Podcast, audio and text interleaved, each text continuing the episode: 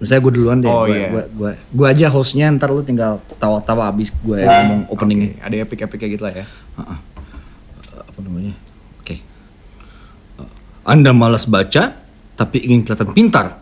Dengarkan podcast berikut ini. Oke oke oke. Halo, gue Nosa dan gue sama-sama sama sama sama siapa lu? Sama ya gue di sini gue ikut ketawa-ketawa doang gue Jack. Ya. Jadi ini adalah podcast pertama kami malas baca episode 1. Nah Nah, di episode ini kita akan ngomongin eh, sebuah buku yang sangat populer hari ini karena eh, sequelnya Homo Deus dibaca sama Sofia Lachuba. So- Sofia Lachuba? Sofia Lachuba.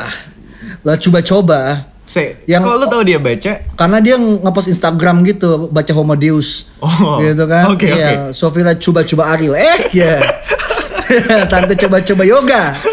Oke, anyway, jadi kita nggak ngomongin Homo Deus buat sekarang. Itu buat episode 2 aja, ntar habis ini. Nah, terus Tapi eh, kita ngomongin kita apa? ngomongin Sapiens, buku pertamanya Yuval Noah Harari yang terkenal itu. By the way, gue gue jadi ini, gue ada ada ada yang lewat di pikiran gue kayak gue kalau denger Yuval Noah Harari sama lihat di YouTube tuh gue eh, merasa bahwa dia tuh sangat Yahudi ya. Mukanya tuh sangat Yahudi, men.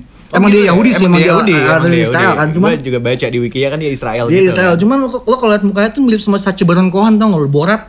Mukanya mirip tau men, anjir mirip banget. Hidungnya sama, bedanya dia kurus aja kan dan dia gay. Heeh. Oke, He's gay. Harus, harus sebutin ya. Nah, harus dong, dia kayak bangga sama kegayannya. Oke. Jadi, He's gay, he's gay. Gay, gay, gay, gay gitu. Anyway, orang gay banyak yang pinter-pinter, salah satunya dia. Yang bego juga banyak sih. Cuma yang pinter di highlight lah ya. gitu. Oke. Anyway, kita nggak usah ngomongin dia lagi udah. Kita akan ngomongin Sapiens sekarang supaya lu bisa yang malas baca bisa pamer-pamer ke orang bahwa gue tahu lo gue baca ngemeng aja gitu. Ini penuh dengan spoiler ya. Jadi kalau lo nggak suka spoiler jangan lo dengerin karena lo artinya suka baca kan sebenarnya. anyway, jadi lo lo dengerin yang apa intinya siap-siap aja bahwa uh, banyak spoiler. Tapi kalau lo suka baca dan lo pengen diskusi juga boleh sih gitu. Kan bisa jadi beda kan apa yang gue interpretasikan sama yang lo interpretasikan. Anyway, yuk kita mulai. Jadi uh, Sapiens ini adalah buku soal sapiens. Buku soal Iya, sapiens. sapiens adalah uh, Berpikir. berpikir Oh, atau bijaksana Bijaksana. gitu. Jadi em, karena mungkin namanya jadi Homo sapiens, homonya dihilangin karena dipakai sama Harari sebagai dia gay gitu. Gue homo, homonya buat gue, sapiensnya buat lo. Oke oke oke. Sebenarnya buat kita semua. bukan. Maaf bro. Anjing ngopik banget gue. Selalu selalu. Aman aman aman. anyway, jadi eh, sapiens itu eh, homo itu artinya manusia men. Bukan Kalau em- gay, ya? bukan gay, Bukan bukan, gay. gay. gitu. Eh, eh, homo sebagai gay itu itu eh, eh, dari kata yang lain gitu maksudnya. Kalau homo yang kita omongin ini H O M M O tuh ya manusia. Jadi pembukaan bukunya tuh mesti dibedain dulu bahwa homo itu eh, adalah eh, eh, genus gitu. Jadi ada Homo neanderthalensis, Homo erectus, Homo dan ada Homo sapiens gitu. Beda, beda spesies itu. Nah, jadi kita akan ngomongin eh, manusia yang bijak atau berpikir beda sama Homo neanderthalensis yang memang asalnya dari Neanderthal gitu. Eh, Neander, lembah Neander gitu atau Homo erectus yaitu Tapi- manusia pertama yang berdiri gitu ya. Gini, manusia yang berpikir. Tapi kalau manusia yang nggak mikir itu gimana? Beda jadi gini bu- eh, sapiens itu lebih ke buat buat Harari dan buat antropolog juga sapiens itu lebih ke bijak Lebih ke bijak, bukan berpikir Uh-uh, ya. bukan cuma berpikir apa bedanya Homo sapiens dengan Homo neanderthal Hmm. atau Homo erectus gitu kita nih sebentar loh kita nih baru ada sekitar 200 ribu tahun tapi uh, puluhan ribu tahun atau apa jutaan tahun sebelum kita ada lagi manusia-manusia lain Hmm. gitu Uh, Homo Homo erectus yang pertama kali berdiri tegak Homo neanderthal yang sudah pakai alat-alat yang dimodifikasi untuk berburu dan mereka lama banget ada di dunia ini gitu. Lama banget sebelum kita. Dan ketika kita hadir hilang semua men. Hilang semua. hilang semua. Kita adalah satu-satunya spesies homo yang tersisa. Bentar, kayak gue penasaran kok bisa hilang semua? Kenapa kita doang itu gitu. misterinya. Itu misteri. ada beberapa teori sih. Ada yang bilang bahwa eh, homo-homo yang lain itu hilang karena mereka gay ya bukan? Ya, mereka nggak bisa. maaf maaf gue gak mau nyindir siapa siapa lo bisa ngangkat anak bro. Sorry Iya, bro. slow, slow, slow. anyway. Anyway mereka tuh hilang uh, bisa bisa jadi karena memang mereka tidak bisa berevolusi tidak bisa fit sama keadaan perubahan iklim. Ada juga yang bilang bahwa mereka kalah mereka kalah dengan Homo sapiens uh, dibunuh atau di, uh, digenosida ada juga yang bilang mereka menyatu Mereka menyatu gimana? menyatu kawin campur Oh, interspecies I see. marriage Iya, gitu iya, iya. itulah kenapa ada sekitar 21% dari 7 miliar orang di bumi ini yang punya DNA ho- Homo neanderthal Oh, tujuh, tujuh berapa? Eh, 21 persen 21 persen. gitu jadi ya orang Eropa ada beberapa oh, ya di Asia juga ada yang punya DNA itu gitu artinya kemungkinan dulu ada nenek moyang dia yang interspesies gitu nikahnya Oh, kawinnya sama orang Neanderthal Dan itu teori yang paling masuk akal gak itu sih? teori yang paling baru dan masuk akal gitu. Dia yang Neanderthal hilang begitu aja. Bedanya apa secara secara, secara fisik bedanya jelas. Homo Neanderthal tuh kagak punya dagu. Jadi dia nggak punya dagu. Sedangkan Homo sapiens punya dagu, men.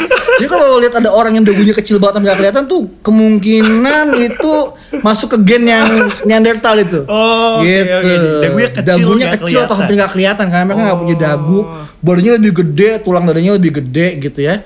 Nah, tapi khasnya apa manusia? Manusia khasnya adalah kita tuh punya cerita, Kita punya cerita. naratif yang Hmm. kita gambar di goa-goa, yang kita ceritakan ke anak cucu kita dan naratif dan imajinasi inilah yang membuat kita beda dengan eh, manusia-manusia lain gitu. Sapiens tuh punya cerita gitu. Neanderthal nggak punya? Neanderthal cuma punya alat Oh, oke gitu. oke oke. Nggak ada peninggalan-peninggalan mereka yang kira-kira berceritanya banyak gitu. Mereka bikin sih beberapa karya seni kayak misalnya eh, kalung-kalungan atau dari tulang, dari apa gitu. Tapi alat musik pertama itu manusia yang bikin gitu. Alat musik pertama manusia. Nah, kita ngomongin seni sebagai seni ya. Seni sebagai hal yang sebenarnya tidak ada gunanya untuk untuk survival Iya, awalnya. bener gitu. sih. Ya kan buat apa bikin suling dari tulang gitu Ya, kan? Orang-orang sekarang kan ngomongnya pacar kamu apa musisi gitu. Mau makan apa kamu gitu. Nah itu buat gue mungkin dia ada Neanderthal juga tuh ngomong gitu tuh Seni itu buat apa? Itu lo Neanderthal mungkin Aduh, Lo lo. Gak butuh, lo gak butuh seni itu kan ya.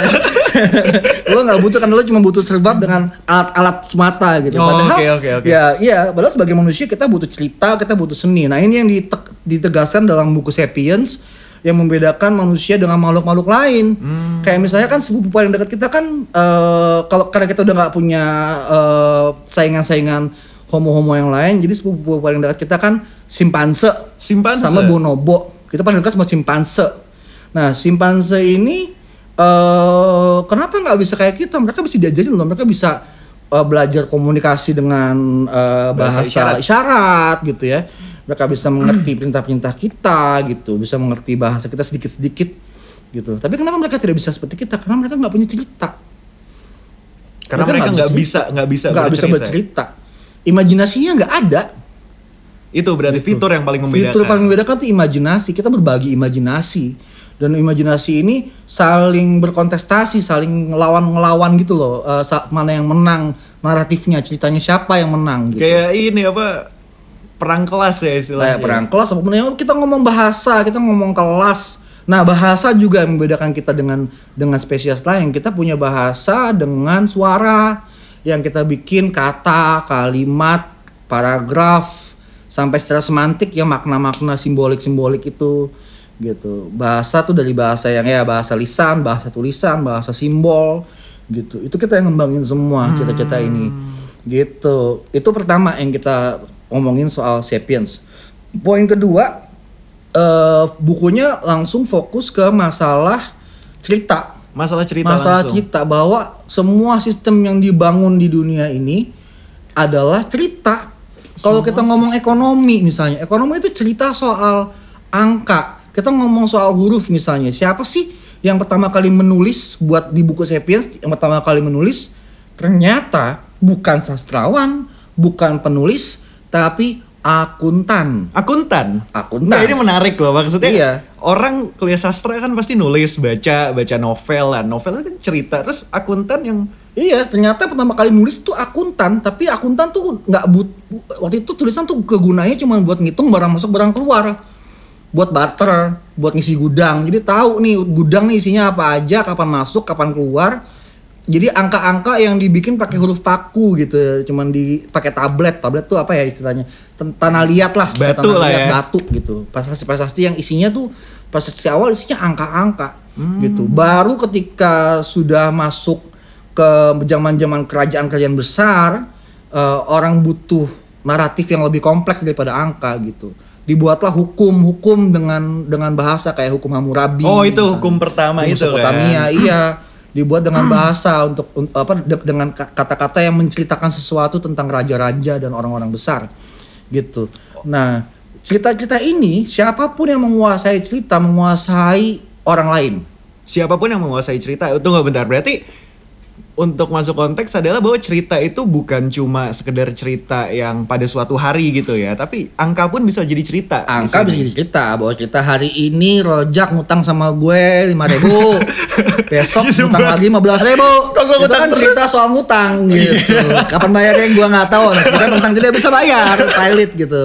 Kayak itu jadi, jadi budak seks yang gue jual sama tante-tante misalnya. Kayak gitu. Oke oke oke oke. Tapi itu kan kita soal ekonomi loh, jangan lupa. Jadi kalau kita lihat statistik pun statistik gitu ya atau angka-angka itu semua cerita gitu. Cerita bagaimana kita bisa me, mengapa ya menginterpretasi dunia yang kita lihat gitu ya. Itu. Eh, dan yang menguasai cerita menang gitu. Jadi kalau di hukum Hammurabi aja itu eh, ada hukum tentang eh, perdagangan misalnya kalau budak lo nyolong eh, budak lo diapain? Lo diapain sebagai yang punya budak misalnya? Atau apa namanya kalau ada orang menuding kehormatan lo bayarnya pakai apa gitu? Oh, entah lo oke, pakai oke, budak bayarnya atau lo pakai apa gitu. Nah itu kan cerita-cerita ekonomi sebenarnya hukum-hukum ekonomi tuh gitu. Manajemen rumah tangga. Nah habis itu dia juga ngomongin yang keren sih buat gue kemunculan kapitalisme men. Kemunculan, bentar. Jadi saat orang-orang butuh cerita yang lebih kompleks lagi dari sekedar angka muncul hukum. hukum Kemudian lebih kompleks lagi muncul macam-macam tuh cerita. macam-macam ceritanya ada agama misalnya Agama itu agama kan juga cerita lagi. gitu iya agama juga cerita dan hebatnya sapiens dan hebat dan bego di saat yang bersamaan ya bahwa cerita itu bisa kita percaya sebagai sebuah kenyataan Cerita itu adalah kenyataan. jadi kenyataan kita gitu cerita cerita soal kalau tanpa tanpa kita kita nggak punya bahasa kan? Gitu kita nggak punya bahan untuk menegaskan kekuasaan gitu. Ceritanya kalau gue pakai jas dan lo nggak pakai baju gue yang kaya lo yang miskin gitu. Itu cerita yang kelihatan dari secara simbol. Itu kan cerita. Oke gitu. oke oke jadi kekuasaan. Ceritanya suatu hari Tuhan eh, bersin dan lahirlah bapak ibu gue. Jadi bapak ibu gue adalah anak Tuhan dari dunia misalnya. Gue bilang gitu dan semua orang percaya jadi agama eh, dan orang jadi gue jadi raja karena semua orang berpikir bahwa gue adalah ingus Tuhan gitu.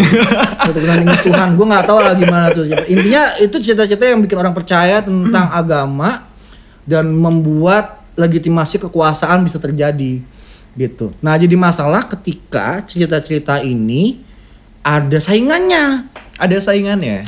ada saingannya. Itu kak, itu gimana Harari menceritakan persaingan cerita awal mulanya gimana tuh? Ya karena banyak, karena semakin lama cerita itu semakin dipakai sama banyak orang, hanya ya selalu ada naratif baru kan untuk menjatuhkan kekuasaan gitu. Hmm. Jadi lo nggak bisa bikin kudeta sebuah sistem ganti sis- sistem tanpa sistem yang baru yang lo tawarin gitu.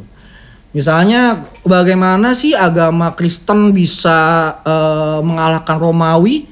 Itu kan ada di cerita bahwa eh, ada loh Tuhan yang buat dia semua orang sama. Ya. Oke oke oke. Tadinya oke. kan orang yang berpikir, wah gue lahir sebagai budak, gue kan selalu jadi budak, anak-anak gue kan jadi budak. Tapi tiba-tiba ada tawaran cerita lain nih. Ternyata ada Tuhan yang bilang bahwa gue sama Tuhan gue sama di mata dia. Wah kalau gitu gue gak bisa dong ditekan-tekan gitu. Muncullah sebuah apa namanya sebuah eh, pemberontakan karena ada cita-cita baru yang masuk dan dipercaya sama orang-orang yang tertekan gitu. Jadi konflik ini tadi lu sempat ngomong bahwa har- yang kerennya dari Harari dia juga menjelaskan gimana munculnya kapitalisme. Iya. Nah, ini ini gini kah munculnya? Itu salah satunya. Jadi kapitalisme itu hadir ketika ada cerita baru yang mengalahkan feodalisme. Itu konsekuensi logis gitu karena ada cerita baru ini gitu mengalahkan mengalahkan feudalism. Tapi sebelum kita ke situ kita lihat dulu ya uh, ada satu hal yang gue miss Hmm. bahwa peradaban manusia sapiens ini juga bisa terjadi karena adanya domestifikasi hewan Domestifikasi hewan. dan pertanian. Jadi kalau kita nggak bisa ada peradaban sungai, peradaban di mana kita bisa bikin ayam Beternak, jadi banyak beternak gitu. jadi banyak, kambing jadi peternakan, kuda jadi peternakan, kita nggak bisa bikin eh, ladang gandum, ladang ladang ganja, gitu. Susah, kita nggak bisa gitu. Kalau ada ladang ganja mungkin dunia ini udah selesai, kita beres nggak ada masalah. Cuman orang nggak sih gitu. Iya. Kita berpikir gandum sih bukan ganja. Sayang sekali. Anyway, jadi ladang-ladang ini membuat manusia bisa berkembang tanpa berpikir soal makan apa hari ini, tanpa berpikir apakah gue kerjaan jadi bukan berburu meramu lagi kayak nenek moyang kita, dan kita mulai berubah pelan-pelan secara biologis. Dan muncul orang-orang yang lahir dari kelas tertentu yang nggak usah kerja kasar dan kerjanya mikir eh, dari uang pajak bisa mikir. Filsuf-filsuf awal tuh adalah orang-orang kayak yang kayak tai gitu ya. Fuck lo cuma terima uang pajak dan lo nggak kerja apa-apa di ladang jadi kerjaan lo apa sehari gua mikir. Shit man. Tapi Berarti- itulah orang berkuasa yang paling di tingkat paling tinggi karena orang berpikir adalah orang yang membuat cerita.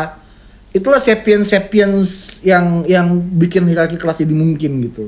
Oke, oke, Gitu. oke, oke. Nah, ketika itu kita bilang oke dan pelan-pelan ini yang keren. Dengan adanya produktivitas dari pertanian eh, dan kita bikin kita memodifikasi binatang ya, kita ini seperti Tuhan, cuman beda kita nggak kita nggak membuat sesuatu dari ketiadaan gitu. Udah ada, misalnya ada ayam, eh, ada ayam yang gendut dan lambat, sama ada ayam yang cepat kita kawinin tuh dua ayam gitu punya anak-anak yang ayam cepat kita matiin semua ayam lambat kita kawinin jadi nenek moyang dia semuanya jadi ayam yang lambat dan gendut-gendut lama-lama kita bisa punya ayam-ayam yang nggak kabur ke mana-mana kambing pun sama kambing hutan punya anak yang agak cacat kita kawin dengan anak cacat lain menjadi anak-anak yang nurut semua gitu sama kita gitu.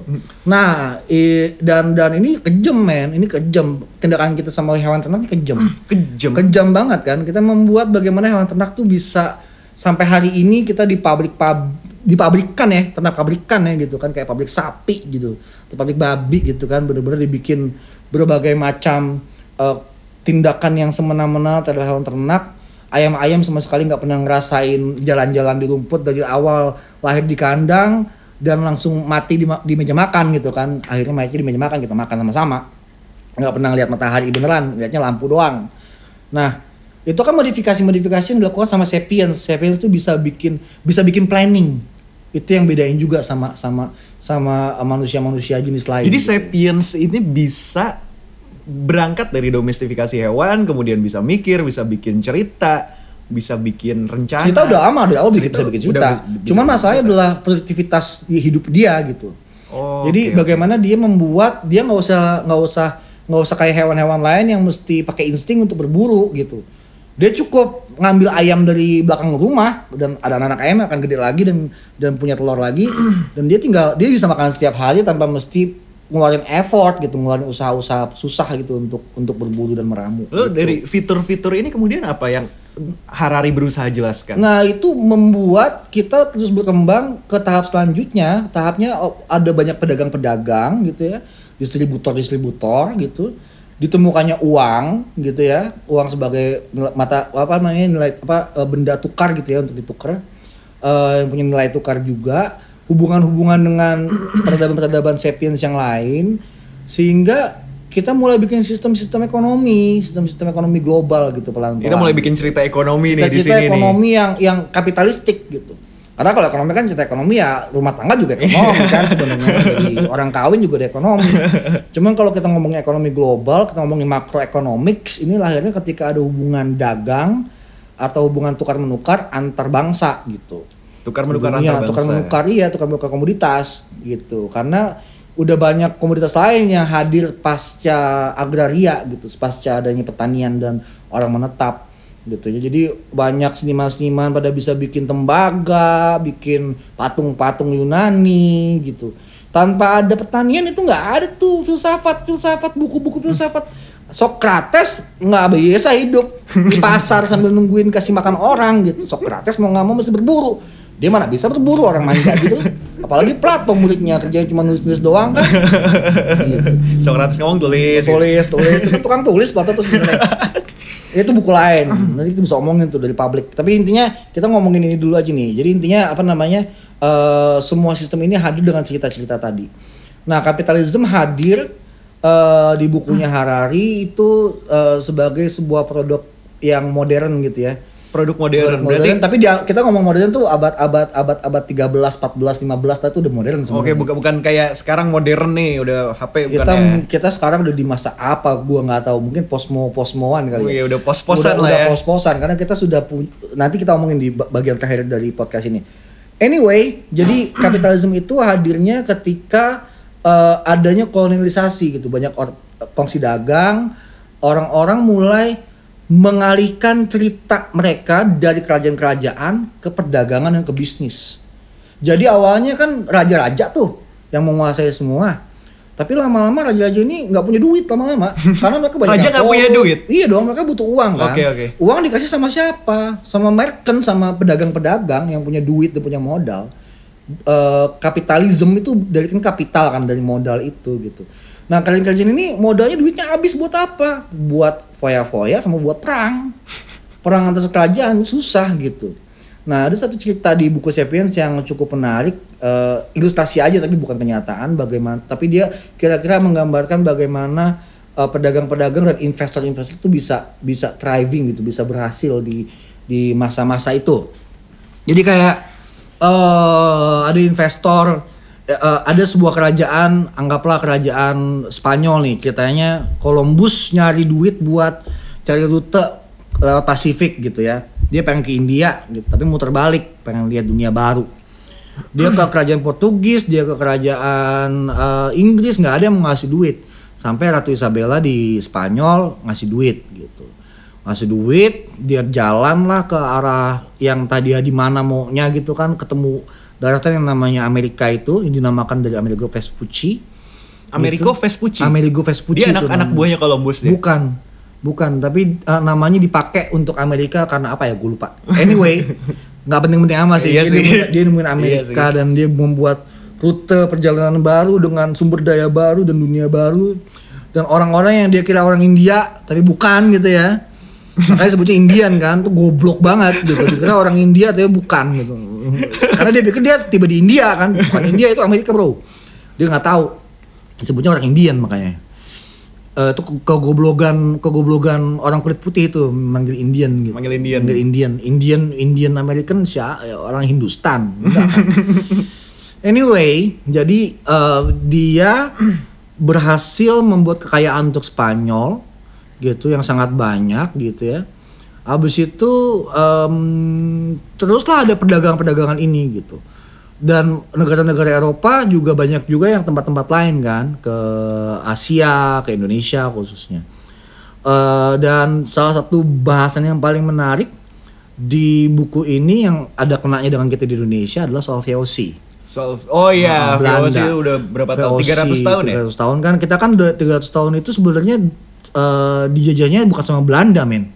Sama sama VOC Sama kapitalis. dan VOC itu bukan Belanda. Dia itu kumpulan kapital kumpulan modal dari negara-negara di Eropa pengusaha-pengusaha dan pedagang-pedagang. Berarti dia dibilang saya dari SMA tuh diajarin Belanda VOC bukan VOC non Belanda. iya tapi VOC itu bukan cuma Belanda. Bukan cuma Belanda. itu pengusaha-pengusaha itu kapitalis semuanya.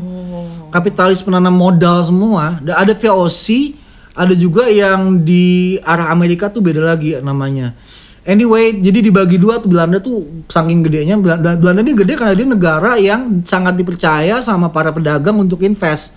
Karena dia negara baru sebenarnya kan, eh, bekas malah dia bekas jajahan Spanyol sebenarnya. Dia pernah Spanyol. Iya, dia pernah di, diduduki sama Spanyol. Dia bikin sendiri negaranya dan negara ini friendly banget sama investor.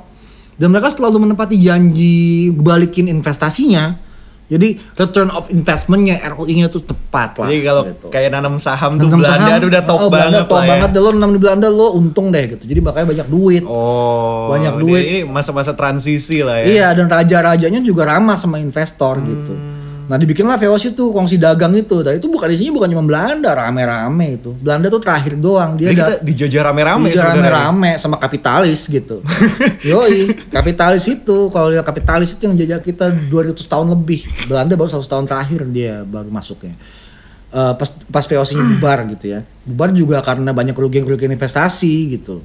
Di Amerika khususnya gitu. Jadi kalau lo di salah satu satu cerita di buku ini yang paling menarik tuh soal soal Pulau Manhattan. Pulau Manhattan. Iya, dulunya dikuasain sama Belanda kan. Terus mereka bikin kota di Manhattan namanya New Amsterdam. Nah, mereka ada kerugian besar di situ dan di dan perang sama Inggris. Perang sama Inggris. Mm, Inggris menang, ngambil alih Pulau Manhattan. New Amsterdam diganti namanya jadi New York. Hmm, jadi itu asal mulai nama kota New York ya? Iya, New York gitu Dari ya. sejarah kapitalis Dari sejarah kapitalisme. Nah, habis itu di New Amsterdam tuh dulu tuh dibangun benteng-benteng kan. Eh, tembok-tembok tinggi untuk melihat untuk perang dan untuk batasin antara laut sama kota. Nah, tembok-tembok ini juga tempat dagang saham. Oh, jadi mereka dagang di dagang tembok di, ini. di, di, di bawah tembok itu. Kayak di, ada pasar di- gitu eh, lah ya? Pasar saham itu, Oh. jualan saham di situ mereka sama masih kertas ya bentuknya bukan kayak sekarang. Nah, eh, ketika Belanda kalah dan cabut jadi New York tempat itu jadi eh, dari New Amsterdam jadi New York, temboknya itu jadi jalan tembok atau bahasa Jalan tembok, Inggrisnya Wall Street. Wall Street. Wall Street itu terkenal Jalan banget tuh. tembok tempat saham terbesar gitu kan perdagangan saham di dunia sampai hari ini gitu ya itu justru kita kapitalisme dijalanin dan dengan kapitalisme kita jadi punya dana yang gede untuk bikin startup usaha-usaha yang tadinya nggak kepikiran kita butuh kesehatan jadi usaha industri juga seni juga musik juga eh, apa namanya komputer apa segala tuh dengan dengan investasi-investasi ini orang jadi bisa kerja nah apa dan nyisihkan uangnya untuk investasi ke benda-benda yang sifatnya saintifik gitu Dengan kata lain, sains. iya, dengan kata lain dengan ada investasi ini orang-orang jadi punya banyak waktu untuk bercerita.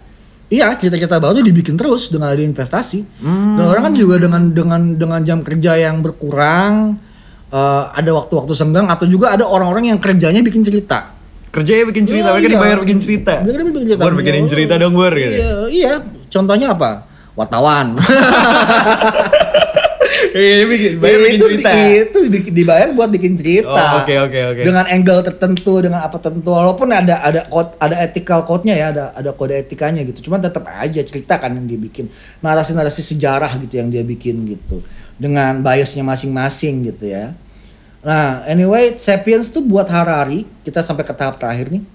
Buat Harari Sapiens itu sedang menuju ke kehancuran. Sedang menuju. Bentar, ini kita lagi jaya-jaya ya di mana Sapiens nih lagi udah bisa bikin cerita banyak, banyak cerita sana sini kok tiba-tiba hancur Karena gimana? setahun terakhir perkembangan industri telah membuat kita merusak alam kita sendiri. telah membuat kita merusak alam. 100 tahun terakhir ini paling parah eksploitasi alam selama peradaban manusia. Gitu. Kita telah berhasil mencapai apa yang tidak dicapai sama homo-homo yang lain gitu ya. Sapiens ini bikin cerita, bikin industri, tapi ngaruknya wah gila-gilaan. Dan kita sedang berusaha untuk tetap survive. Nah, survive-nya kita nih buat hari sudah mentok bahwa kita harus jadi makhluk lain Kita harus jadi makhluk lain. akan ada anak-anak kita atau anak cucu kita yang pelan-pelan menuju ke sesuatu spesies baru yang nggak nyambung sama kita sebagai spesies Homo sapiens. Nggak, kita tuh nggak nyambung sama Homo neanderthal atau sama Homo erectus karena kalau kita ketemu nih, ini menurut apa namanya penelitian dari uh, tengkorak-tengkoraknya dan uh, peninggalan-peninggalan mereka, kita nggak bakal ngerti mereka sama kita nggak bakal ngerti monyet atau monyet nggak bakal ngerti kita gitu. Kita bisa ngerti cara hidupnya, kita bisa ngerti cara mereka uh, berkebudayaan ya, quote unquote gitu. Tapi kita nggak bisa mengerti mereka seperti kita mengerti Shakespeare atau kita mengerti dongeng-dongeng dari budaya lain gitu. Karena mereka bukan spesialis kita, mereka ceritanya juga beda, bahasanya juga bukan cuma bahasa ya. Mereka tuh bahkan nggak punya kemungkinan nggak punya cara komunikasi sekompleks kita kan, gitu. Ya mereka pakai alat-alat aja Ah, lah ah. ya. Nah, ke depannya kita juga akan ketemu, kemungkinan akan ketemu, kemungkinan juga kita nggak ketemu sama sekali ya, karena kita udah mati duluan, gitu, sama spesies baru yang akan muncul di buku Homo Deus nanti di bawah udah omonginya, gitu. Nah, em, sekarang ini dengan adanya investment, dengan adanya startup, dengan adanya macam-macam ini, kita udah nggak bisa mundur kita harus maju terus tapi mentok. Kita kita mentok. kita mentok gitu. Bahwa ma- makanya kenapa mentok? Eh, karena buat hari kita lihat aja hari-hari ini despotisme atau kekuasaan kekuasaan tirani muncul lagi gitu. Eh, kita ngulang hal-hal yang sudah kita pernah kerjakan gitu. Kita mandek juga dan kita juga sebenarnya hidup juga sudah eh, buat Harari di buku ini di di buku apa namanya simpulan terakhirnya which is sama dengan simpulannya Dius sebenarnya yang agak nyebelin ada tiga cara Ini spoiler nih bentar. apa Iya emang, emang di spoiler sama sama buku itu di spoiler. Oh. Karena di Homo Deus dia ngomongnya lebih kompleks lagi kan, lebih dalam Oke lagi. oke oke oke. Eh, di buku Sapiens dia bilang seperti di buku Homo Deus dia bilang ada tiga cara evolusi kita hari ini. Ini kesimpulan utamanya. Kesimpulan ini dipakai di buku selanjutnya. Pertama, eh apa namanya cyborg. Cyborg adalah campuran antara biologis dan mesin, manusia dan mesin. Gitu. Paling gampang kita hari ini semua orang di masa modern ini sebenarnya udah cyborg. Pakai kacamata enggak? Kacamata iya. Oh kacamata Iya, iya. masuk kan dia kan Oh. mesin itu kan sesuatu untuk membantu eh, se- kita kan. Saya bawa kacamata iya, tapi yang lebih parah lagi komputer, internet, handphone, Jadi- Kindle Pakai handphone nih. Podcast. Podcast. itu adalah bukti bahwa lo lagi dengerin sesuatu dari eh, mesin gitu. Oke, halo Dan, saya mesin. eh, eh, kami sekarang mem- membuat ini wave wave eh, suara kami menjadi bagian dari sebuah mesin besar gitu. Berarti secara nggak sadar kita main HP tiap hari kita dengerin YouTube, kita dengerin podcast, kita baca e-book itu kita menjadi Cyborg cyborg. kita cyborg sebenarnya kita setengah mesin tanpa tanpa ada HP ya kita jadi apa gitu Iya Eh, kita sih. sekarang susah gitu Nggak ada HP susah sih. kalau nggak ada internet ini kita bisa nggak dapat makan karena kan semua lo bayangin semua aturan dunia ini dipakai online semua sekarang distribusi makanan apa segala pakai online semua Iya. nggak sekarang lo bayangin lu tuh sekarang nggak perlu punya kebun padi depan rumah lo gitu Kebun gandum. kebun gandum Gandum. gandem Gan, gan. Uh, anyway, lu nggak perlu punya kebun-kebun itu dan lu nggak perlu nanam sendiri kan. Tapi jadi masalah kalau misalnya internetnya jebol atau ada masalah kayak kemarin misalnya di Jakarta mati listrik gitu. Di Jawa sih Di itu. Jawa mati listrik, wuh, kita mati kutu banget Iya, itu nggak ada listrik gitu. Lo bayangin kalau semua pembensin pakai listrik, listriknya mati dia nggak bisa nyala pembensin. Buat buat mesin bensinnya loh, kita lo mau itu naruh selang lo isep gitu, naruh selang lo isep, kan susah juga tuh bensin selang. selang lo isep gitu kan, lama banget isinya. Anyway, jadi ya itu eh, apa namanya em, tan- kita tergantung sama listrik. Listrik itu mesin, Kemungkinan pertama kita jadi cyborg. cyborg, gitu. Yang mana udah kelihatan nih manifestasinya lah ya Ah, ah, pelan-pelan. cyborg. Kemungkinan kedua, ya cy- cyborg juga sama sama kayak misalnya kita pakai medik ya, di medik misalnya pakai Alat ring pacu. jantung. Oh, ring jantung. Iya, gitu iya. atau uh, alat bantu pendengaran gitu. Terus semua udah mesin, udah setengah mesin tuh. Nah, yang kedua uh, genetics engineering DNA. Gitu. Kayak kawin silang ayam Kawin gendut silang gitu. ayam. Nah, ini juga menarik sebenarnya pembahasan ini karena sebenarnya kita kualat sama binatang ternak. Kan kita- iya kualat, menurut Harari itu kita kualat. Jadi kualatnya gimana? Kita membuat binatang ternak ini eh eh, kita atur di kandang-kandang dan kita bikin schedule makannya dan kita bikin schedule kehidupannya. Kalau lo makan daging wagyu ya sapi wagyu yang katanya Wagyu. disayang setengah mati sama sama peternaknya Oh, eh, gitu? grass fed karena itu dagingnya empuk dan enak karena mahal makanannya mahal semuanya mahal tuh wagyu ya matinya juga mati yang sangat-sangat happy gitu ya konon karena Mati yang happy ya. mati yang tidak takut karena ya. kalau daging kalau di tuh sapi takut dagingnya agak-agak keras gitu Oh, iya, gitu. mati bahagia Mati dia. bahagia. Pengorbanan Wagyu. untuk manusia. Iya, makanya harganya bisa 2 juta satu stick gitu kan. Walah. Itu mahal banget kan. Nah, itu kan binatang ternak tuh. Kita manipulasi supaya happy matinya gitu. Sekarang, Bro, Happy matinya. sekarang yang diternak tuh sebenarnya kita. Kita sama sistem. Kita bangun pagi, kuliah, kerja, ngapain sampai sore. Pulang ML buat ya ka- kapan kawin, kapan kawin, kapan kawin, kapan punya anak, kapan punya anak. Itu jadi pabrik anak juga untuk keber- keberlangsungan spesies kita. Pulang tidur, tidur habis itu ker- bangun kerja lagi. Diatur sedemikian rupa sama industri sampai kita seperti binatang ternak. Gitu. Dan sistem kapitalis ini memperlakukan pula kita sebut seperti wagyu kalau kita misalnya, Wagyu? Iya, seperti kalau, kalau kita misalnya adalah orang kelas menengah atas yang pinter masuk Harvard apa segala, kita nggak beda kok sama sapi wagyu, mahal. Cuman bedanya kalau wagyu itu yang makan manusia, kita yang makan sistem gitu. Iya itu. Artinya kita, misalnya gua sama Rojak nih nggak beda sama Nadim Nadim Makarim. Nadim Makarim Harvard gitu ya. Dia wagyu. Kita mungkin sapi dali ya gua intinya tapi dua-duanya kita Iya. dimakan sama kapitalisme gitu. Sama-sama dimakan beda harga aja. beda harganya Beda tapi harga dia aja. 2 juta kita Iya, berapa iya. lah? Daging kiloan. kiloan. Daging tiran dikasih air. kasih air Anjir, disuntik-suntik pakai botox Oke oke oke. Oke oke. Lah, lalu kemungkinan kedua ini genetics engineering lalu Nah, gimana genetic tuh? engineering itu artinya kita nih uh, dimanipulasi secara biologis. DNA kita, hormon kita gitu. Seperti sapi ya. Sapi disuntik supaya susunya banyak atau supaya dagingnya gede. Kita juga disuntik. Seperti contohnya misalnya orang yang eh, kena mental illness. Iya ya, oke oke. Iya kan? Ini kasih Wah, gue kerja capek. Gue kerja ya Allah, gue bener-bener gue gak kuat lagi, gue stres, rumah tangga gue berantakan, aduh, semua hancur-hancuran gitu kan. Gue gak sanggup lagi, gue mau mati, gue bunuh diri. Lo ke psikiater, dikasih obat. Nah, obat supaya lo bisa tetap kerja bro. Kayak sapi yang disuntik hormon. Sama banget gitu gitu. Nah ini kita akan jadi super. Nah awalnya kan obat ya. Awalnya itu obat supaya kita jadi bisa kerja. Tapi lama-lama obat-obat ini siap bisa di eh, salah gunakan atau dibenar gunakan. Benar dibenar gunakan. gunakan artinya apa? Bukan jadi obat tapi jadi doping. doping. Doping membuat seorang manusia melebihi manusia. Kayak keratin deng gitu. Kayak kerating deng Apa, gitu. Monster energy tuh Monster kayak, energy wah. ya. Kayak lo kalau minum lithium jadi energizer bunny ya. Jeng jeng jeng jeng jeng jeng gitu kan. Yang bipolar lo minum lithium energizer bunny jeng jeng jeng jeng.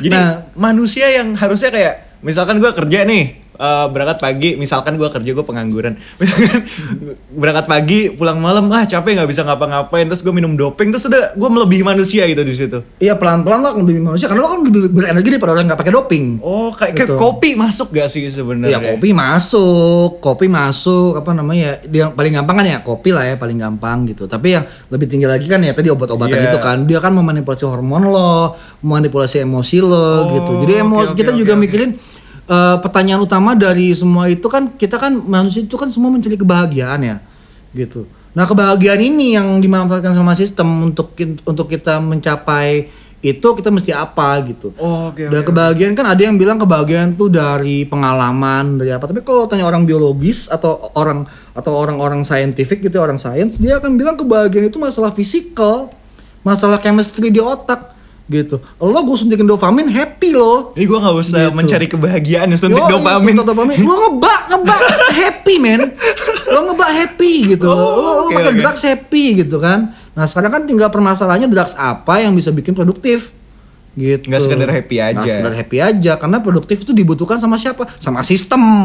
Kalau lo pakai narkoba, lo bikin eh, apa namanya narkoba ini bikin lo nggak bisa kerja, kan artinya kan ada eh, ada kesempatan bisnis yang hilang dengan lo nggak bisa kerja. Kesempatan Gue bisnis. nggak bisa mengeksploitasi lo karena lo giting. Jadi gimana caranya lo giting tapi lo kerja? Nah, serem bener ya itu. Serem. Genetic engineering. ada engineering. Yang mana kalau dibenar gunakan jadi sih, jadi gue penasaran deh benar gunakan menurut sistem gitu. menurut sistem dan menurut lo juga ya maksud gue menurut lo juga gitu maksudnya lo tahu nih ada obat yang bisa misalnya ada obat Alzheimer nih ya Ah, ah. obat yang bikin orang tua yang kena Alzheimer atau orang yang kena penyakit Alzheimer bisa bisa berpikir bisa ingat bisa sembuh gitu lo bayangin kalau obat itu dipakai orang normal tiba-tiba lo jadi pinter bro Iya nggak nggak bi- nggak bisa lupa lupa gitu. Iya kan. nggak lupa Gua semua. ngeliat buku baca langsung sekali. Baca wah, apa? apa gitu deh. kan. Karena lo minum obat orang Alzheimer bro. Ini kalau lo minum obat itu lo nggak usah dengerin podcast ini. Karena Atau lo dengerin terus lo inget terus Kan lo malas baca kan Nah Justru Lo malas baca Lo minum obat itu aja bro Kalau di Indonesia kita punya lagi obat itu. Apa tuh? Lo ada buku nih, jangan dibaca lo bakar, campur air lo minum. Nah, inget Dijamin dulu, tuh. Dijamin. nah itu yang kedua tuh ya genetical engineering gitu. Nah di buku ini juga di bawah terakhir tuh ada yang ngomongin soal uh, kemungkinan uh, uh, genetic engineering buat manusia. Jadi ada seorang dok, ada profesor yang bilang bahwa dia dengan modal 3 juta dolar apa apa 30 juta dolar gue lupa. Dia bisa menghidupkan kembali Neanderthal. Hah? Saya Jadi buat- dia buat dia ngambil ngambil spesimen eh, apa namanya genetik DNA-nya dan dia akan nyuntikin DNA itu ke perempuan Homo sapiens, nanti anaknya jadi Neanderthal. kayak ini ya, kayak apa? eh, Jurassic Park. Kayak Jurassic Park gitu. Jadi ada dinosaurus Ah, gitu. Nah, proyek yang lagi jalan kan soal soal bikin memet. Ah, ah. Bikin memet nih, menghidupkan kembali memet. Nah, ini juga ditawarin soal menghidupkan kembali manusia Neanderthal itu. Wow. Gitu.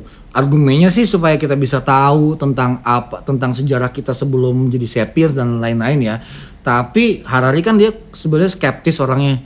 Dia ngelihat kalau obat Alzheimer aja bisa bikin orang pinter, berarti kalau ada manusia Neanderthal yang kita bikin sendiri, itu adalah kesempatan bisnis kan. Lo bisa dapetin tenaga kerja yang super tolol untuk gantiin lu gitu Wah, parah banget untuk gantiin sih. buruh-buruh yang suka protes. Jadi apa namanya sekarang lu buru-buru protes UMR gitu kan naik UMR. Besok kalau udah ketemu genetik Neander- Neanderthal, lu buru-buru dipaksa udah nggak usah kerja, gue ganti aja sama ini Neanderthal yang bego-bego. Eh, Nggak bakal protes sama kita gitu, karena secara DNA kita bikin genetiknya dia nggak bisa protes gitu. Itu dimanipulasi DNA-nya. Wow. Nggak ada hormon protesnya tuh nggak ada, nggak ada hormon ketidaknyamanannya. Dan dengan genetic engineering ini gimana Harari membayangkan kita ngebawa diri kita? Sistem ngebawa diri kita Ya sebenarnya. kita membuat kita bisa membuat diri kita semau kita dengan narasi kita kita. Wow. Segampang kayak eh, di Korea orang bisa operasi kulit, operasi plastik, operasi tulang untuk jadi tinggi dan cantik gitu. Lu membuat lu menjadi ganteng atau membuat cantik, membuat pinter gitu. Lu mendesain semua terserah lu maunya kayak apa Jadi sesuai gua imajinasi dan cerita yang mau lu bikin. nggak terbatas kayak aduh otak gua nggak nyampe nih bisa otak lu Bisa nyampe otak nih nyampe minum nih nih, minum minum nih ini, oke gitu. Lalu kemungkinan ketiganya apa nih Nah, kemungkinan yang ketiga itu adalah pure mekanik. pure mekanik Murni semuanya mesin. oh jadi yang pertama itu biologis dan mesin ah. yang kedua itu biologis, Biologis toh. yang ketiga pure mekanik pure mekanik. gimana tuh Pure mekanik tuh segampang AI. AI jadi kalau main Nah, ya. PES gitu ada ada Main- lawan iya, komputer lawan komputer, komputer bisa mikir kan? iya sih Gitu, bisa mikir kan Jago lu lagi. buka lu buka eh, Facebook atau algoritma algoritma macam-macam tuh kan mereka bisa bisa bisa menebak kata-kata apa yang bakal lo ketik di situ, Hmm. mereka bisa ngerekam semua yang lo pernah tulis. Lo buka handphone lo aja udah ada autocorrectnya dan makin hari makin bagus kan. iya parah makin hari makin bagus autocorrect itu. grammarnya lebih bagus daripada Gram- gue iya, karena dan autocorrect yang sekarang kan bisa ngerekam gaya bahasa lo. Iya, Dia iya. bisa ngopi gaya bahasa lo sih, itu iya. kan. Nanti AI ini kemungkinan ketiga eh, spesies barunya bukan dari bukan dari cyborg, bukan juga dari DNA, tapi murni mesin. Nggak ada hubungannya sama sekali dengan biologis kita. Murni mesin, mereka bisa membuat sendiri apa yang mereka mau. Gitu. Wow. Gitu. Mendesain sendiri mereka mau gimana gitu. Itu. Dan ya? Itu. Dan sekarang kan kita kan ya menuju situ kan. Dalam artian eh, makin hari AI semakin jago. Sekarang kan cuma ditahan-tahan aja supaya nggak jago-jago amat. Betul sih. kan beberapa waktu lalu kalau nggak salah Facebook apa Google tuh yang Google. yang Google, yang Google menghentikan DeepMind. AI-nya Hah? AI-nya udah dirilis sama dia dihentikan karena kepinteran. Wow wow. Takut. Takut sendiri mereka ya? takut. Takut. Dan semua sebenarnya perkembangan-perkembangan ini sekarang bukannya apa banyak perkembangan-perkembangan yang justru kita stop dulu saking kita takut. Masalah etika masalah masalah etikanya berma takut masalah bagaimana efeknya ke orang takut gitu. Karena sekarang kalau misalnya kita mau ganti semua pabrik dengan robot bisa kan? Bisa sih. Tapi kan ada masalah buruh nanti. Buruh mau taruh di mana? Iya, ntar minta gaji, Gitu. eh minta kerjaan. minta kerjaan kerjaannya apa? Kalau diambil sama robot-robot semua robot-robot gitu. Susah kan? Jadi eh, akhirnya kita dihadapkan dengan kita membeli waktu sih untuk mencari pemecahan dari bagaimana stucknya kita gitu. Dan pemecahan tadi cuma tiga kan? Yang tadi Harari lihat sebagai eh, prediksi dia ke masa depan melihat apa yang pola-pola yang sudah terjadi. Nah, tapi kira-kira begitulah, begitulah uh, akhir bukunya. Nanti minggu depan kita ngomong lagi soal Homo Deus yang uh, uh, lebih kompleks lagi Lebih ya. kompleks Homo Deus. Kalau boleh Deus. spoiler Homo kan tadi Manusia. bukan gay ya. Homo itu manusia. Deus, Deus Tuhan. bukan bengkel, Deus ex machina bukan. Oh. Deus ex machina kan Deus Tuhan. Deus ex machina kan machine, machine of God.